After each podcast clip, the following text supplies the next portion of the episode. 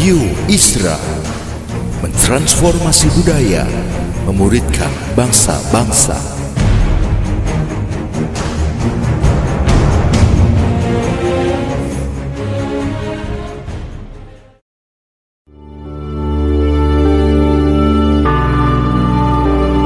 Apostolic Prophetic Messages mengungkapkan pesan dan arahan dari hati Tuhan bagi gerejanya demi menuntaskan mandat kerajaan Allah di Indonesia dan bangsa-bangsa.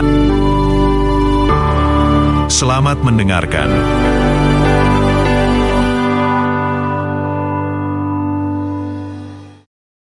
Semangat, puji Tuhan. Nah, hari ini saya akan melanjutkan ide yang kita sudah bahas minggu kemarin. ya. Minggu kemarin kita membahas tentang church, be ready, the change coming. Kita sudah tahu, itu sudah membahas tentang minggu lalu tentang bahwa gereja mesti mempersiapkan diri untuk perubahan. Karena gereja adalah agen perubahan yang Tuhan miliki dalam dunia ini, maka penting sekali gereja untuk terus terbuka kepada perubahan yang Tuhan bawa. Nah, yang ingin saya bahas kali ini adalah uh, embracing the change. Bagaimana kita sebagai umat Tuhan uh, terus terbiasa untuk embrace the change that God brings into our life. Ini penting banget buat kita.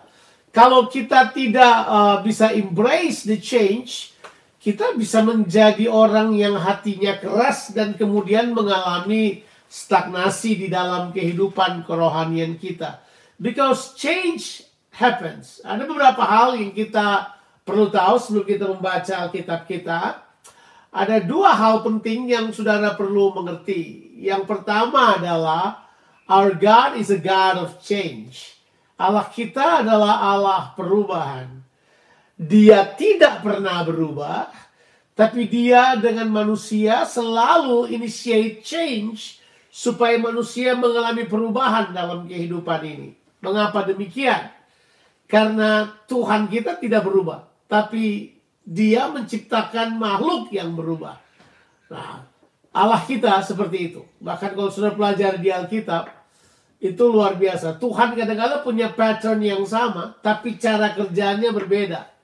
Uh, kalau sudah pernah dengar statement yang berkata begini, God never repeats himself once. Tuhan tidak mengulang apa yang dia kerjakan. Waktu Yesus uh, menyembuhkan orang sakit, metodenya berbeda-beda, banyak sekali. Ada yang dia tumpang tangan, ada yang dia usir, ada yang dia sentuh matanya, ada yang dia meludah ke tanah, dia banyak cara yang dia pakai. Dan uh, Tuhan punya cara yang begitu banyak. Yang kadang-kadang kita suka gagal embrace hal ini. Nah, di, di, dari hal ini kita juga perlu tahu yang berikut. Manusia itu adalah makhluk yang berubah. Saudara berubah loh. Ya percayalah. Saudara tiap hari berubah. Tubuh saudara tuh tiap hari mengalami perubahan. Dalam diri saya ada sel-sel, ada jutaan sel yang berubah terus berubah, berubah ya. Saya berubah loh. Saya beritahu pada saudara, saya pernah kurus. Itu saudara harus percaya. Ya, saya pernah langsing. Iya, iya, jelas. Iya. Saya pernah punya gigi yang lengkap. Sekarang udah mulai ompong gitu. Saya dulu punya rambut gondrong, saudara. Sekarang udah enggak lagi, udah. Ya. Oh, iya. Saya berubah. I change. Saya berubah. Dari waktu ke waktu saya mengalami perubahan. Jadi manusia itu uh, sebenarnya terbiasa dengan perubahan. Jadi harusnya kita tahu bahwa manusia itu adalah makhluk perubahan. Nah, kita perlu mengetahui di secara, terjadi secara lahiriah demikian, tapi juga secara spiritual terjadi hal yang sama. Nah, di Alkitab kita melihat bahwa Tuhan kita mau kita mengalami perubahan dan ada perubahan-perubahan yang besar. Nah, saya mau ingatkan pada saudara, persiapkan dulu 2 Korintus pasalnya yang ketiga, ayat udah biasa kita baca. Kita mau baca ayat 16 sampai ayat yang ke-18. Persiapkan dulu ayat tersebut. Sebentar saya mau bilang hal ini pada saudara. Dalam perubahan yang besar ini, Tuhan selalu menghendaki kita berubah dari dalam dulu, supaya waktu masuk pada arena perubahan, kita lebih gampang diubah ataupun mengikuti perubahan yang Tuhan bawa. Saya beritahu dulu, kalau kita diubah, kita gampang mengikuti perubahan yang Tuhan bawa. Saya ulangi lagi, saya tulis tadi. Kalau kita apa diubah oleh Tuhan, kita kita lebih gampang mengikuti perubahan yang Tuhan bawa. Sebab orang begini loh, mereka masuk pada perubahan-perubahan. Mereka mau ganti style, mereka mau ganti semuanya. Mereka mau ganti yang di luar, tapi di dalam mereka tidak berubah. Itu sangat berbahaya. Itu paling berbahaya. Itu makanya ada yang Yesus katakan. Kalau sudah baca misalnya di apa di Lukas pasal 5 ayat 38, 37, 38, 39 apa ya 35 sampai 37 apa 38 yang Yesus berkata bahwa uh, tidak ada orang yang menambalkan kain yang tua pada uh, kayak apa pada baju apa kain yang baru pada baju yang tua. Itu akan merobekkan bajunya. Tidak ada orang yang menaruh anggur baru dalam kantong kulit yang lama. Itu jelas. Ya kamu tidak bisa menaruh anggur baru dalam kirbat yang lama. Mengapa? Sebab itu kirbatnya bakal hancur sama dengan kita karena kalau Tuhan ingin membawa pergerakan yang baru, anggur baru dia mau curahkan. Kita sih cuma senang aja nyanyi anggur baru sambil apa gitu-gitu kan. Tapi siap nggak kita? Kita siap nggak terima anggur baru yang Tuhan bawa dalam kita? Kalau itu kita sendiri tidak diperbaharui, kirbat kita tidak mengalami pembaharuan, maka yang terjadi adalah ini nih. Kita akan meledak, kita akan hancur, kita akan mengalami kehidupan yang bisa tidak mengikuti perubahan yang Tuhan bawa dalam kehidupan kita. So, saudara mesti ingat hal tersebut. Nah sekarang kita membaca 2 Korintus pasal 3 ayatnya yang ke-16. 2 Korintus uh, pasal 3 adalah satu pasal di mana Paulus menceritakan perubahan yang besar yang Tuhan bawa. Tuhan merubah pendekatannya dari pendekatan hukum Taurat pada pendekatan kasih karunia. Dari pendekatan hukum pada pendekatan grace pendekatan law kepada pendekatan grace. Dia sebutkan seluruhnya. Dia menyebutkan kalau orang tidak mau berubah, ya mereka bakal jadi kayak bangsa Israel. Itu mata mereka eh, terbuka, tapi ada selaput yang menutupi sehingga mereka tidak bisa melihat apa yang Tuhan sedang kerjakan. Coba kita baca ayat yang ke-16. Tetapi apabila hati seorang berbalik kepada Tuhan, maka selubung itu diambil daripadanya. Ayat 16. Ayat 17 sebab Tuhan adalah roh dan di mana ada roh Allah di situ ada kemerdekaan. Dan kita semua mencerminkan kemuliaan Tuhan dengan muka yang tidak berselubung. Dan karena kemuliaan itu datangnya dari Allah, dari Tuhan, yang adalah roh, maka kita diubah menjadi serupa dengan gambarnya dalam kemuliaan yang semakin besar. Jadi kalau sudah baca di ayat yang ke-18, perubahan itu terus berlangsung. Kualitasnya terus mengalami perubahan sampai pada kemuliaan yang semakin besar. Kita tahu kalau kita berbicara kemuliaan, selalu berbicara tentang kualitas kehidupan. So mari kita akan perlahan-lahan membahas tentang embracing the change. Bagaimana kita sebagai orang percaya itu apa itu dapat masuk kepada uh, perubahan, embracing the change. Nah sekali lagi saya sudah katakan di depan tadi, kitanya harus memiliki nah ini, ini hati yang selalu mau berubah. Itu kita harus punya, kalau saya punya bahasa dalam ayatnya yang ke-16 itu adalah kita punya hati itu gampang berbalik pada Tuhan. Kita punya hati itu gampang bertobat. Ah, kita siapkan dulu. Kita agak susah bisa embrace perubahan kalau hati kita gampang mengeras. Hati kita menolak apa yang Tuhan bawa. Ya. Terus alasannya tidak prinsipil lagi semuanya yang kita kasih. Alasannya gua orangnya begini. Kalau sudah begini, gua begini aja. Itu nggak prinsipil. saudara tidak begitu. Hidup ini nggak bergantung pada saudara kok. Tuhan yang atur. Saudara perlu terbuka kepada Tuhan untuk berkata gini. Saya mau ikuti perubahan yang Tuhan bawa. Jadi kita punya hati dulu adalah hati yang itu tuh yang gampang tersambung dengan Tuhan, yang gampang terbuka pada Tuhan. Nah, ini nih pertobatan, sikap pertobatan itu penting. Sekali lagi, saya tidak mengatakan yang dimaksud pertobatan, tolong ya, digaram sudah saya ingatkan berkali-kali. Uh, kenapa orang tidak mau bertobat? Dia pikir, ah gue malu ah, nanti dibilang hidup soal itu, pertobatan saya juga masih bertobat kok. Sebab pertobatan itu adalah perubahan pemikiran, Pertobatan itu adalah perubahan mentalitas. Itu mesti terjadi. Saya masih bertobat sampai sekarang. Jadi jangan berpikir yang dimaksud pertobatan itu hanyalah uh, bertobat dari dosa-dosa kekafiran. Oh iya perlu. Bertobat dari dosa kekafiran kan sudah. Kita bertobat dari ketidakpercayaan kita, bertobat dari penyembahan berhala, bertobat dari dosa seks bebas, bertobat dari pencurian. Dosa-dosa kekafiran kita sudah tidak buat lagi, udah enggak. Kita sekarang masuk kepada yang disebut pertobatan untuk masuk dalam perubahan-perubahan ilahi. Di Alkitab Rasul pun perlu bertobat, nabi pun perlu bertobat, rasul-rasul hebat, Petrus, Yakobus, Yohanes perlu bertobat, Paulus pun perlu bertobat. Itu mereka semua mengalami pertobatan karena Tuhan bawa mereka kepada level yang baru dalam kehidupan ini. Orang perlu bertobat loh untuk embrace sesuatu yang baru. Ini nanti ke depan ada banyak hal yang harus kita buang. Ya, cara-cara yang lama harus dibuang, kebiasaan-kebiasaan lama harus dibuang Nanti eh, saya beritahu buat saudara, kalau saudara tidak bisa berinisiatif untuk mencari Tuhan, saudara bakal ketinggalan. Sebab nanti gak ada pendeta yang akan tegur-tegur saudara lagi. Ini saudara mau datang pada Tuhan apa enggak? Saudara di rumah kok. Enggak, enggak. Kalau saudara mau bangun dari tempat tidur, sekarang terserah saudara.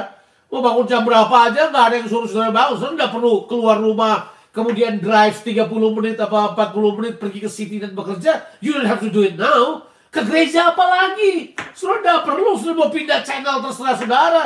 Saudara nggak suka dengan pendetamu, tinggal pindah aja cari pendeta yang kita suka kan gitu lah. Iya. Tapi ini masalahnya. Masalahnya adalah itu harus dimulai dari dalam. Sebab nanti ke depan, kalau saudara memang tidak punya pengalaman dituntun dari dalam, berinisiatif dari dalam, berubah dari dalam, itu bakal susah ke depannya. Bakal seriously.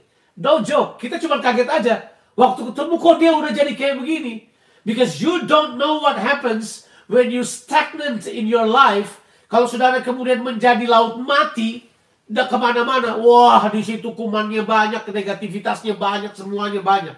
Kalau saudara kemudian tidak mengalami perubahan lagi, there is no fresh touch from heaven for you. Yang terjadi adalah saudara kemudian menjadi negatif. Kemudian diam-diam ini saya sebut kata ini hati-hati proses pembusukan terjadi, proses pembusukan karakter terjadi, proses pembusukan sikap terjadi. Kita terus kemudian menjadi negatif disebabkan karena apa?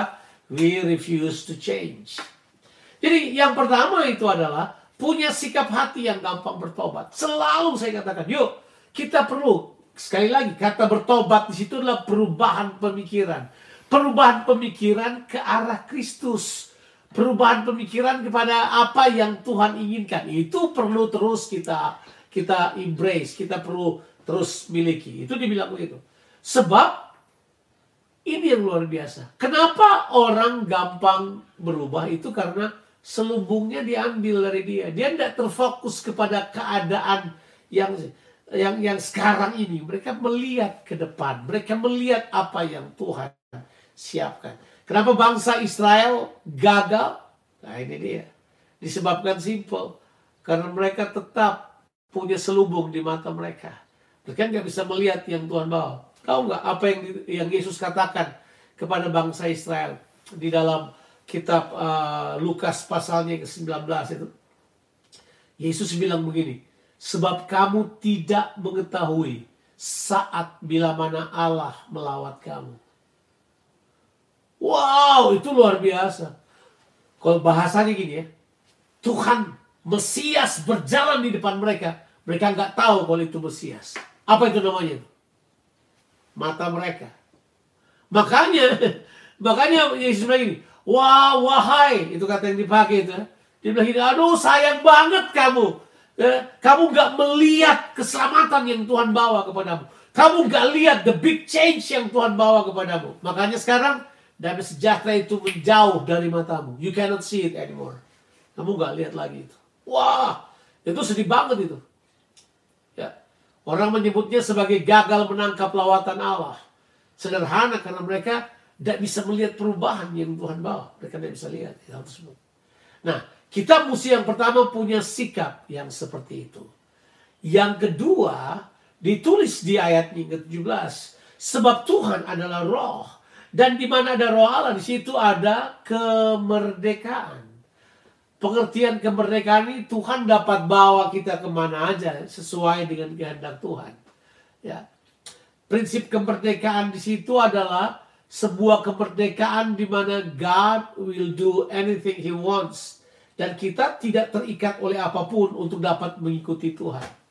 Makanya arti kemerdekaan itu bukanlah kemerdekaan untuk berbuat dosa, tapi kemerdekaan untuk mengikuti kehendak Allah, untuk mengikuti perubahan yang Tuhan mau. Ya, ya. Saya sudah selalu katakan pada saudara kan, kalau suami berubah ke arah Kristus, berbahagialah istrinya. Ya. Tapi kalau suaminya tetap tidak mengalami perubahan, wah itu menyakitkan. Atau sebaliknya, kalau istrinya berubah ke arah Kristus, suaminya akan bahagia. So, perubahan-perubahan ke arah yang baik akan memberikan kepada kita sebuah sebuah apa itu? Sebuah rasa aman justru. Kita kira kalau kita tidak berubah kita akan aman. Justru kalau kita tidak berubah posisi kita nggak aman. posisi kita nggak aman. Ya, kalau kita nggak berubah posisi kita nggak aman. Oh kita kira itu aman. Nah itu rasa aman yang palsu. Itu yang terjadi pada bangsa Israel. Mereka menaruh rasa aman mereka. Ini dibilang ini. Mereka menukar mata air. Mereka ganti rasa aman mereka sama kolam. Itu ditulis kan. You put your trust in your cistern. ya, Not in the river of God. Kamu tukar rasa amanmu pada bukan pada sungai Tuhan. Kamu ganti dengan kolam-kolam yang kamu bangun. Jadi kemudian kamu pikir kamu aman di kolam itu. Padahal kolammu kecil. Sungai Allah mengalir terus. Beda. Beda. Nah, kalau kita perhatikan baik-baik. Kemerdekaan ini. Supaya kita bisa embrace kebenaran. Milikilah apa yang saya sebut itu. Free spirit. Sebuah hati yang fleksibel untuk mengikuti Tuhan. Kita perlu flexibility untuk mengikuti Tuhan. Kita perlu flexibility mengikuti Tuhan. Nah tentu sudah sudah mengerti prinsip ini. Kalau saudara baca di Alkitab, bangsa Israel itu dituntun oleh tiang awan dan tiang api. Betul kan? Iya. Dan, dan udah tahu, saya, saya cerita ulang deh pada saudara. Itu bangsa Israel, gini. Saking perubahan yang cepat, mereka nggak tahan. Mereka berkata, biar jadi budak, yang penting kita tinggal di rumah aja di Mesir. Budak, tapi tapi tinggal di Mesir. Kita suka gitu kan. Kita mau jadi budak tapi tinggal di sebuah tempat yang kita kuasai, yang kita sukai, yang kita udah biasa. We are custom to it. Kita tinggal sini kita nyaman karena kita udah tahu. Daripada di padang gurun ikut-ikutin Musa, ikutin-ikutin tiang awan dan tiang api nggak jelas. Karena memang betul ikutin tiang awan dan tiang api, wah. Itu kita bilang ini, kalau tiang awan bergerak, mereka harus ikut bergerak. Kalau tiang awan berhenti, mereka harus berhenti. Tiang api berhenti, mereka harus berhenti. Dan, wah, dan itu terjadi berulang kali. Ima saya sudah bilang kan, imagine kalau mereka tidak ikut, ya udah. Kalau mereka nggak ikut tiang awan dan tiang api, mereka kemungkinan mati kepanasan atau mati kedinginan di waktu malam. So they have to follow. Mereka harus mengikutinya. Nah, kita kita mesti paham ya bahwa kita itu perlu fleksibel karena memang betul karena Tuhan menaruh kita dalam kehidupan ini ada musim-musimnya, ya kan? Ya tak? Jadi memang betul ada yang namanya musim perubahan. Di Alkitab ditulis kok itu. Coba, coba, coba kita baca. Ya sudah sudah sering dengar saya khotbah ini ayat bukan ayat baru buat saudara. Udah sering kali saya singgung. Tapi coba kita lihat kitab pengkhotbah. Pengkhotbah pasalnya yang ketiga. Coba Coba lihat pengkhotbah pasal yang ketiga. Ini tentang musim perubahan ini. Alkitab beritahu pada kita bahwa semua manusia, saya dan saudara ada di sini. Saya khotbah ini bukan karena saya sudah ada di sini. Kita semua ada di sini. ya. Untuk segala sesuatu. Pengkhotbah 3 ayat 1. Ada masanya. Untuk apa pun di bawah langit. Ada waktunya. Ya. Terjemahan yang bahasa Inggrisnya tulis buat kita uh, asik sih. Dia bilang begini uh, to everything there is a season and a time for every purpose under a time. So there's season and time atau time and season itu kata yang dipakai. ada time, ada season. Ya, ada waktu dan kemudian ada musim. Jadi di bawah matahari ini ada waktu dan ada musim. Dan dan dan kadangkala waktu dan musim itu menentukan sekali perubahan kita. Kemudian kalau sudah baca dari ayat 2 sampai ayatnya yang ke-8 ya. Dari ayat 2 sampai ayatnya ke-8 itu ada 16 pasang waktu, 16 pasang waktu ya. Ya. Ada ada ada waktu untuk lahir, ada waktu untuk mati. Jadi ada ada 16 pasang waktu. Wah, itu itu uh, bukan hal yang gampang itu, banyak itu ya kan. Kalau sudah lihat ayat 4, uh, ayat dari ayatnya yang kedua, uh, ada waktu untuk lahir, ada waktu untuk meninggal, ada waktu untuk menanam, ada waktu untuk mencabut. Tahu nggak terjemahan bahasa Inggris bilang bukan waktu itu. Is season. Is season. Ya, ya? Kata yang dipakai season kok. Itu jelas, ya kan? Ditulis jelas juga uh, a time to be born, a season to be born, a season to itu semua ada waktu yang Tuhan berikan buat kita. Ya, kalau kita di Indonesia cuma ada dua ada dua musim kan di Indonesia. Di Indonesia musimnya panas dan sangat panas. Itu musim di Indonesia cuma dua.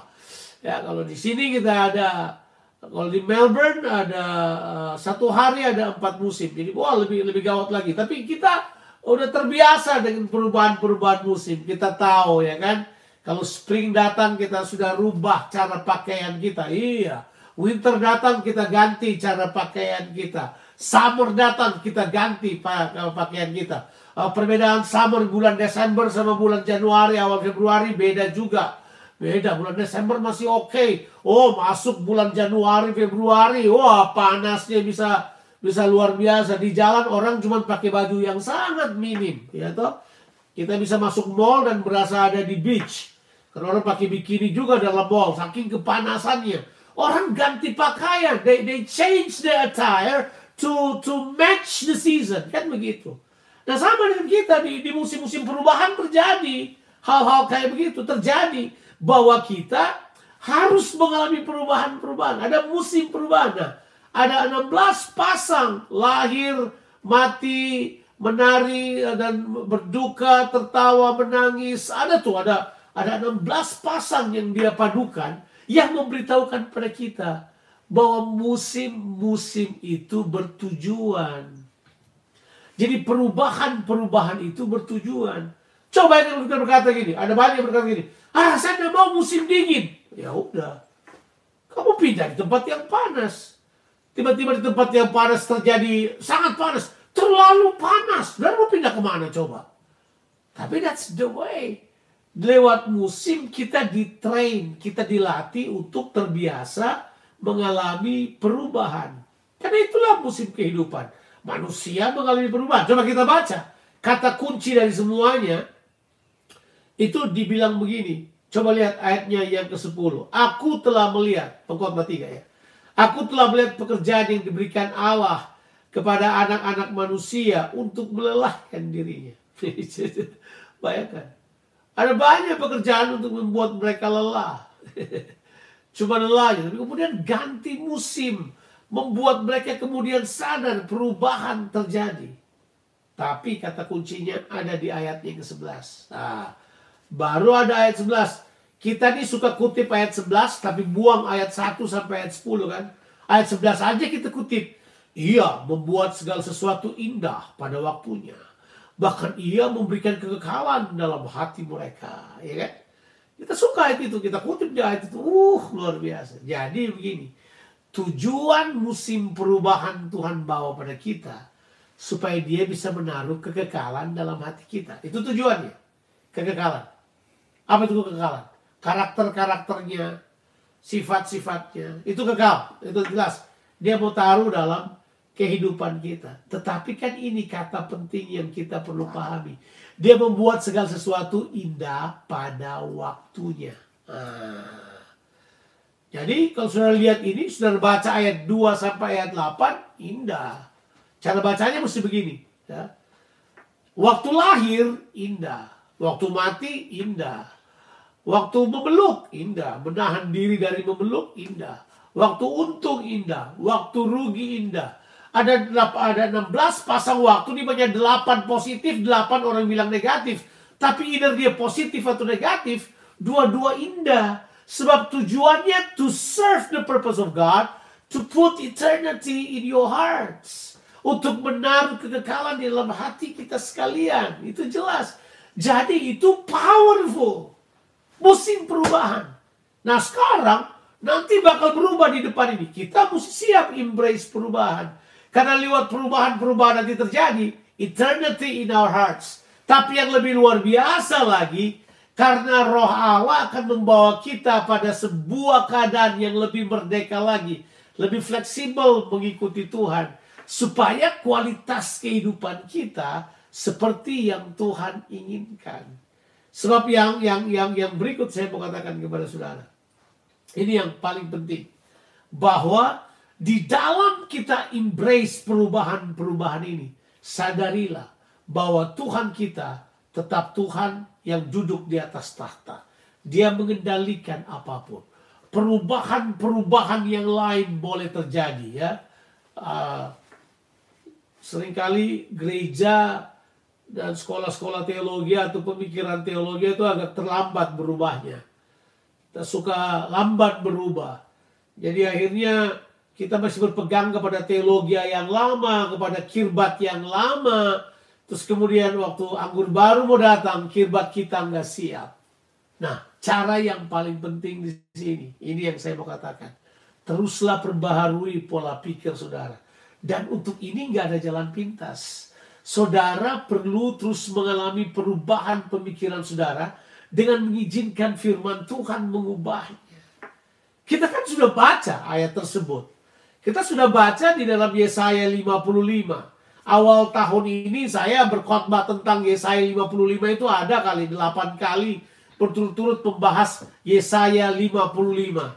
Orang berkata itu cuma karena tahun ini kamu berumur 55 tahun jadi khotbahmu ya Yesaya 55. Padahal itu sebenarnya cuma memberitahukan kepada kita bahwa the change will come. But we have to prepare ourselves. And the way we prepare ourselves is, ah ini dia nih memiliki pemikiran yang terus terarah kepada pemikiran Tuhan. Sebab Tuhan bilang kan, jalanmu berbeda dengan jalanku. Cara-caramu berbeda dengan caraku. Itu Tuhan sudah bilang bahwa jalan-jalanmu berbeda, rancanganmu berbeda dengan rancanganku. Nah, bagaimana menyatukan kedua hal ini? Kecuali saudara mengizinkan pemikiran Allah terus datang pada saudara, menerangi saudara, mempersiapkan saudara untuk masuk kepada jalan-jalan Tuhan. Itu jelas. Gak ada cara lain, gak ada jalan pintas yang lain. Gak ada ikut-ikutan, gak ada cuma oh yang penting di sini heboh nih. Kayaknya ini yang paling heboh, ikut aja yang paling heboh. Gak ada soal heboh-heboh di sini. Di sini adalah soal apakah Tuhan sungguh-sungguh akan mengubah kehidupan kita. Nah, kitanya ini yang harus terus mengizinkan pemikiran kita mengikuti pemikiran Tuhan. Nah, itu perenungan-perenungan Makanya untuk sembari kita embrace ini, teruslah mempelajari firman Tuhan. Become itu tuh the disciple of Jesus Christ. Teruslah menjadi murid Kristus. Teruslah belajar. Teruslah bertumbuh dalam anugerah Tuhan. Sebab kita nggak bisa seperti cuma sekedar nyantai aja. Kedepanin tuntunan-tuntunannya baru. Saudara kan tenang-tenang aja begini. Saudara mau tahu? Di level pemimpin-pemimpin denominasi, di level pemimpin-pemimpin gereja lagi pikir, aduh bagaimana caranya ini? Bagaimana kalau ini yang berubah? Bagaimana kalau ini yang berubah? Oh, they they've been thinking those things. Mereka lagi memikirkan hal-hal tersebut. Kita dipersiapkan nggak untuk itu? Saya beritahu, ya tugas saya mempersiapkan saudara. Saya sudah bilang, kami bersalah kalau saya tidak khotbahkan hal ini kepada jemaat yang saya lain untuk berkata semuanya bakal biasa-biasa saja. Everything should be fine. Saya sudah katakan minggu lalu pada saudara kan. Itu yang dikatakan bahwa ya apa yang disebut uh, insanity, tahu nggak apa yang disebut insanity? Tahu ya? Iya. insanity itu adalah saudara terus melakukan hal yang sama secara berulang-ulang dan mengharapkan hasil yang berbeda atau mengharapkan sebuah perubahan. No, We need to be changed. Kita perlu mengalami perubahan supaya kita kemudian dapat mengikuti Tuhan, dapat embrace pola pikirnya, dapat embrace cara kerja Tuhan.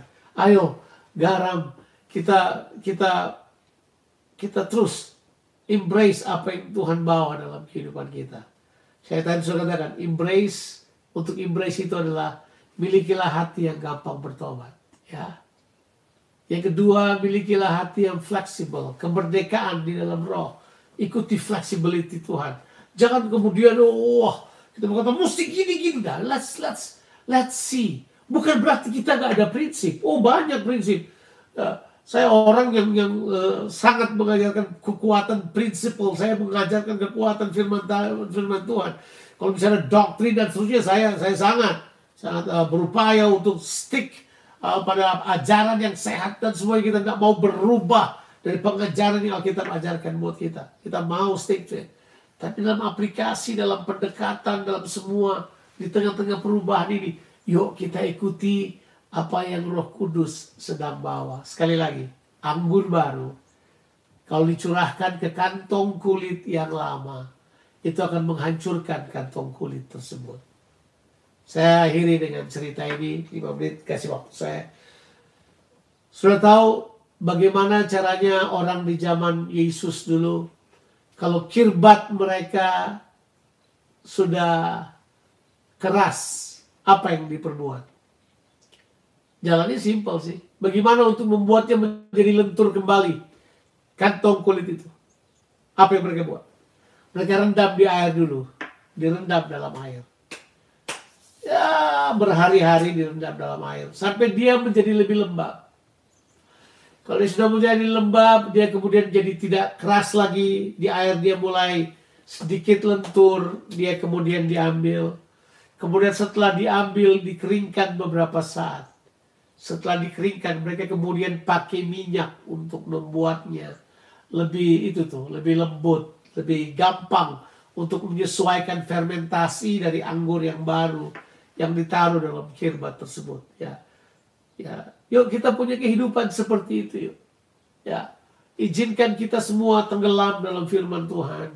Izinkan firman Tuhan berubah kita. Jangan ambil firman Tuhan cuma sekedar pengetahuan tapi izinkan firman Tuhan ubah kita, lembutkan kita. Harusnya kita ikut Tuhan semakin lama hatinya jadi semakin lembut. Ya.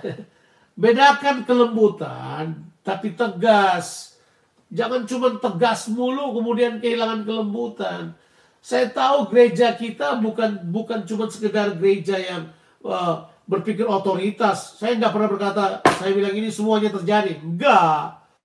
Di tempat kita kita ajarkan, hey, Yuk sama-sama, kita semua. Saya berniat melatih orang untuk menjadi pemimpin. Saya tidak cuma mau jadi pemimpin, saya bertugas melatih orang menjadi pemimpin. Saya bukan cuma sekedar memimpin, saya bukan cuma sekedar mau jadi seorang. Ini enggak, saya mau semua orang terlibat di dalamnya. Dan memang itu perlu kesabaran, sama bilang tidak. Ya, enggak gampang berhadapan dengan orang. Iya kan? Ada yang gampang-gampang susah, ada yang susah-susah gampang. Jangan yang gampang-gampang. Tapi ya, semuanya dapat kita lewati kalau memang kita mengizinkan hati kita lebih soft, lebih fleksibel untuk mengikuti apa yang Tuhan kerjakan. Yuk, mari latih terus perenungan pribadimu. Ya, di di di komsel komsel kita, di connect connect kita, yuk, sampaikan perubahan pemikiran saudara, sampaikan perubahan pemikiran. Jangan berpikir begini loh Oh dia dia man dia keluarganya berantakan, gue lebih baik. Eh jangan hakimi kayak gitu. Justru orang-orang yang sekarang lagi keadaannya begitu-begitu, oh, itu perubahan Tuhan sedang berlangsung lebih gampang. Daripada orang yang udah tenang-tenang, semuanya berjalan terkendali, semuanya bagus. Belum tentu perubahan Tuhan terjadi di situ. Jadi jangan hakimi ini, jangan hakimi itu. Let's let's embrace. Jangan berkata, oh keluarganya dia nggak bagus. Enggak, kita nggak perlu hakimi itu. Siapa tahu lewat semua itu Tuhan sedang mengerjakan perubahan demi perubahan. Ingat, goncangan kadangkala merupakan cara Tuhan membawa perubahan dalam kehidupan ini. So I have to stop here. Saya berharap bahwa saudara-saudara sekalian dipersiapkan untuk perubahan. Ikutilah musim perubahan yang sedang terjadi ini. Masukilah di dalamnya, izinkan Tuhan mengubah saudara. We will cross over this, kita akan lewati pandemi ini dengan kemenangan yang Tuhan bawa dalam kehidupan kita. Tuhan Yesus memberkati kita sekalian. Haleluya. Amin. Amin. Terima kasih. Tuhan Yesus memberkati.